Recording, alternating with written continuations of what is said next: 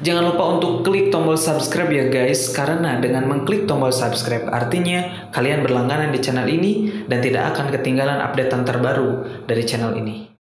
Alhamdulillahilladzi hadana lihada wa ma kunna linahtadiya laula an hadanallah. Asyhadu an la ilaha illallah wahdahu la syarikalah wa asyhadu anna Muhammadan abduhu wa rasuluhu amma ba'du. Wa qala Allah Ta'ala fil Qur'anil Karim A'udzu billahi minasyaitonir rajim. Wa man ahsanu dinan miman aslama wajhahu wa huwa muhsin. Wa taba'a millata Ibrahim hanifa. Wa takhadallahu Ibrahim khalila. Nabi Ibrahim adalah orang yang biasa menerima tamu. Setiap sore menjelang malam beliau biasa berdiri di depan rumah, menunggu dan mengharap semoga datang tamu yang dia akan terima sebagai rahmat Allah Subhanahu wa taala. Gitu, begitulah pandangan Ibrahim terhadap tamu. Bahwa akan menyebabkan tamu itu memberi berkah atas segala yang disiapkan oleh dirinya dengan sepenuh keikhlasan. Itulah ama yang biasa Ibrahim lakukan setiap saat. Menerima tamu sebagai program hidupnya. Maka pada suatu waktu beliau sedang menunggu tamu seperti itu, datanglah tamu. Yang betul-betul dia ingin ditolong dengan maksud untuk bermalam satu malam disediakan keperluan satu malam. Ibrahim sangat gembira di awalnya. Kenapa? Karena inilah yang diharapkan.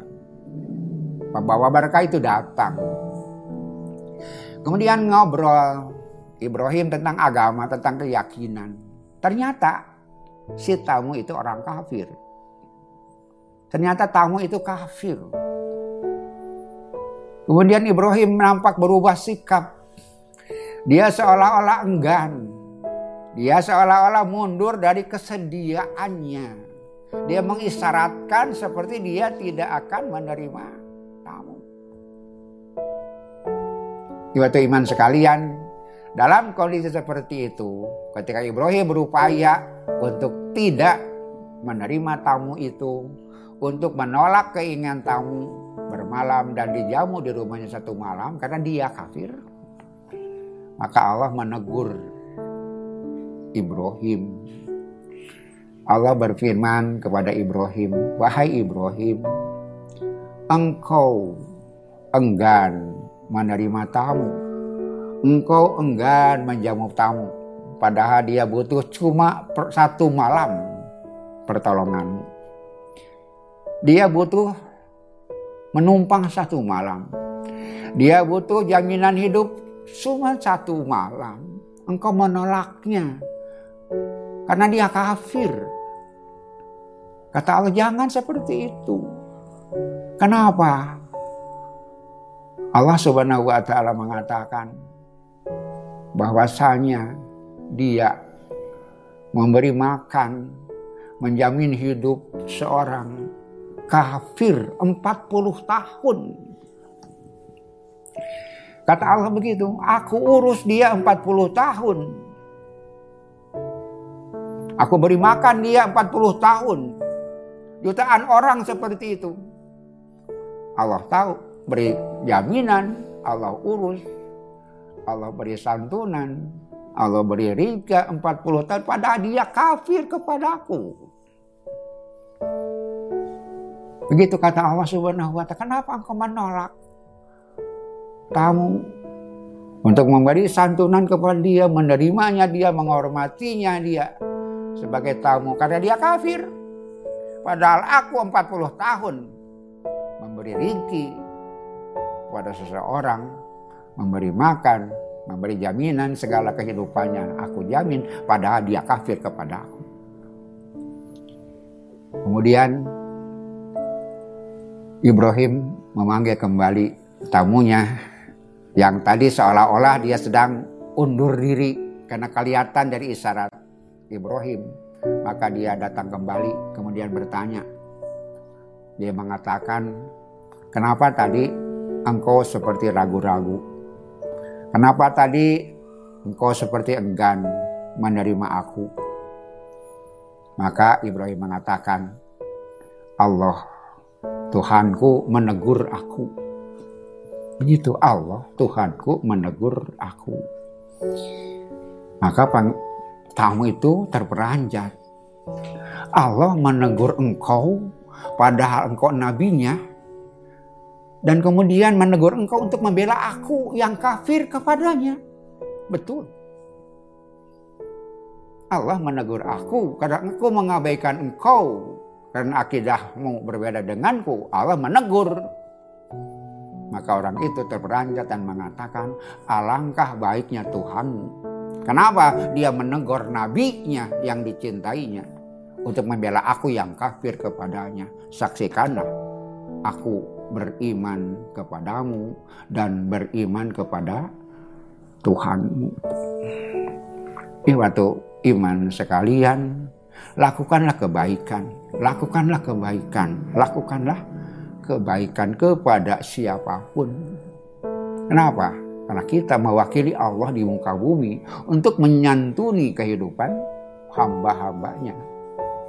Dan seluruh kehidupan yang disediakan oleh Allah. Kita sebagai khalifah di muka bumi punya kewajiban untuk mengikuti akhlak Allah subhanahu wa ta'ala kebiasaan Allah Subhanahu wa taala. Karena kita diciptakan ke dunia untuk apa? Untuk membuat kebaikan. Kenapa kita harus berbuat kebaikan? Karena kita harus berbuat kebaikan. Tidak ada alasan lain. Kenapa kita harus berbuat baik? Karena kita harus berbuat baik. Tidak ada alasan lain. Kita berbuat baik karena kita mesti berbuat baik kepada siapa pun. Mudah-mudahan dalam kondisi sekarang banyak sekali orang-orang yang pantas kita tolong. Ketika kita melihat orang-orang yang pantas ditolong, tolonglah. Bukalah hati untuk memberi pertolongan walaupun kadang-kadang bisa jadi berbeda akidah dengan kita, berbeda pendirian dengan kita, berbeda pandang hidup dengan kita tapi dari sisi kemanusiaan itu mesti diabaikan. Justru kita menjadi wakil Allah di muka bumi ketika kita mampu menyantuni semua orang, semua manusia. Pada saat ini yang mesti kita tolong sangat banyak. Jangan terlalu selektif dalam menolong. Selektiflah dalam meminta dan menerima. Tapi tidak usah terlalu selektif dalam memberi. Kenapa? Karena salah memberi tidak ada salahnya. Tetap kebaikan buat kita. Tapi kalau salah tidak memberi,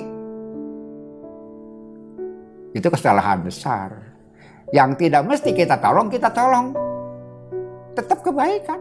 Andaikan seperti itu, yang kita tidak pantas tolong, kita tolong, tidak ada masalah. Tapi sebaliknya, ada yang mesti kita tolong, kita tidak tolong. Itulah mas Allah. Semoga Allah Subhanahu wa taala memberi kita kemampuan rezeki untuk menyertai kita melaksanakan tugas Allah Subhanahu wa taala. Perintah Allah kepada kita untuk menjaga kehidupan. Suasana sekarang suasana yang berat, maka kesadaran kita untuk saling tolong menolong itu bagian dari kata kunci untuk menghadapi masalah-masalah yang kita sedang hadapi. Tong apik teing dina barang bere. Nah salah mereka tetap hade. Tapi selektif dalam menerima. Kenapa? Kalau kita tidak pantas menerima, kemudian kita menerima, itu masalah untuk kita bersama. Rabbana atina fid dunya hasanah wa fil akhirati hasanah wa qina adzabannar. Aku qouli hadza wa astaghfirullah li wa lakum. Wassalamualaikum warahmatullahi wabarakatuh.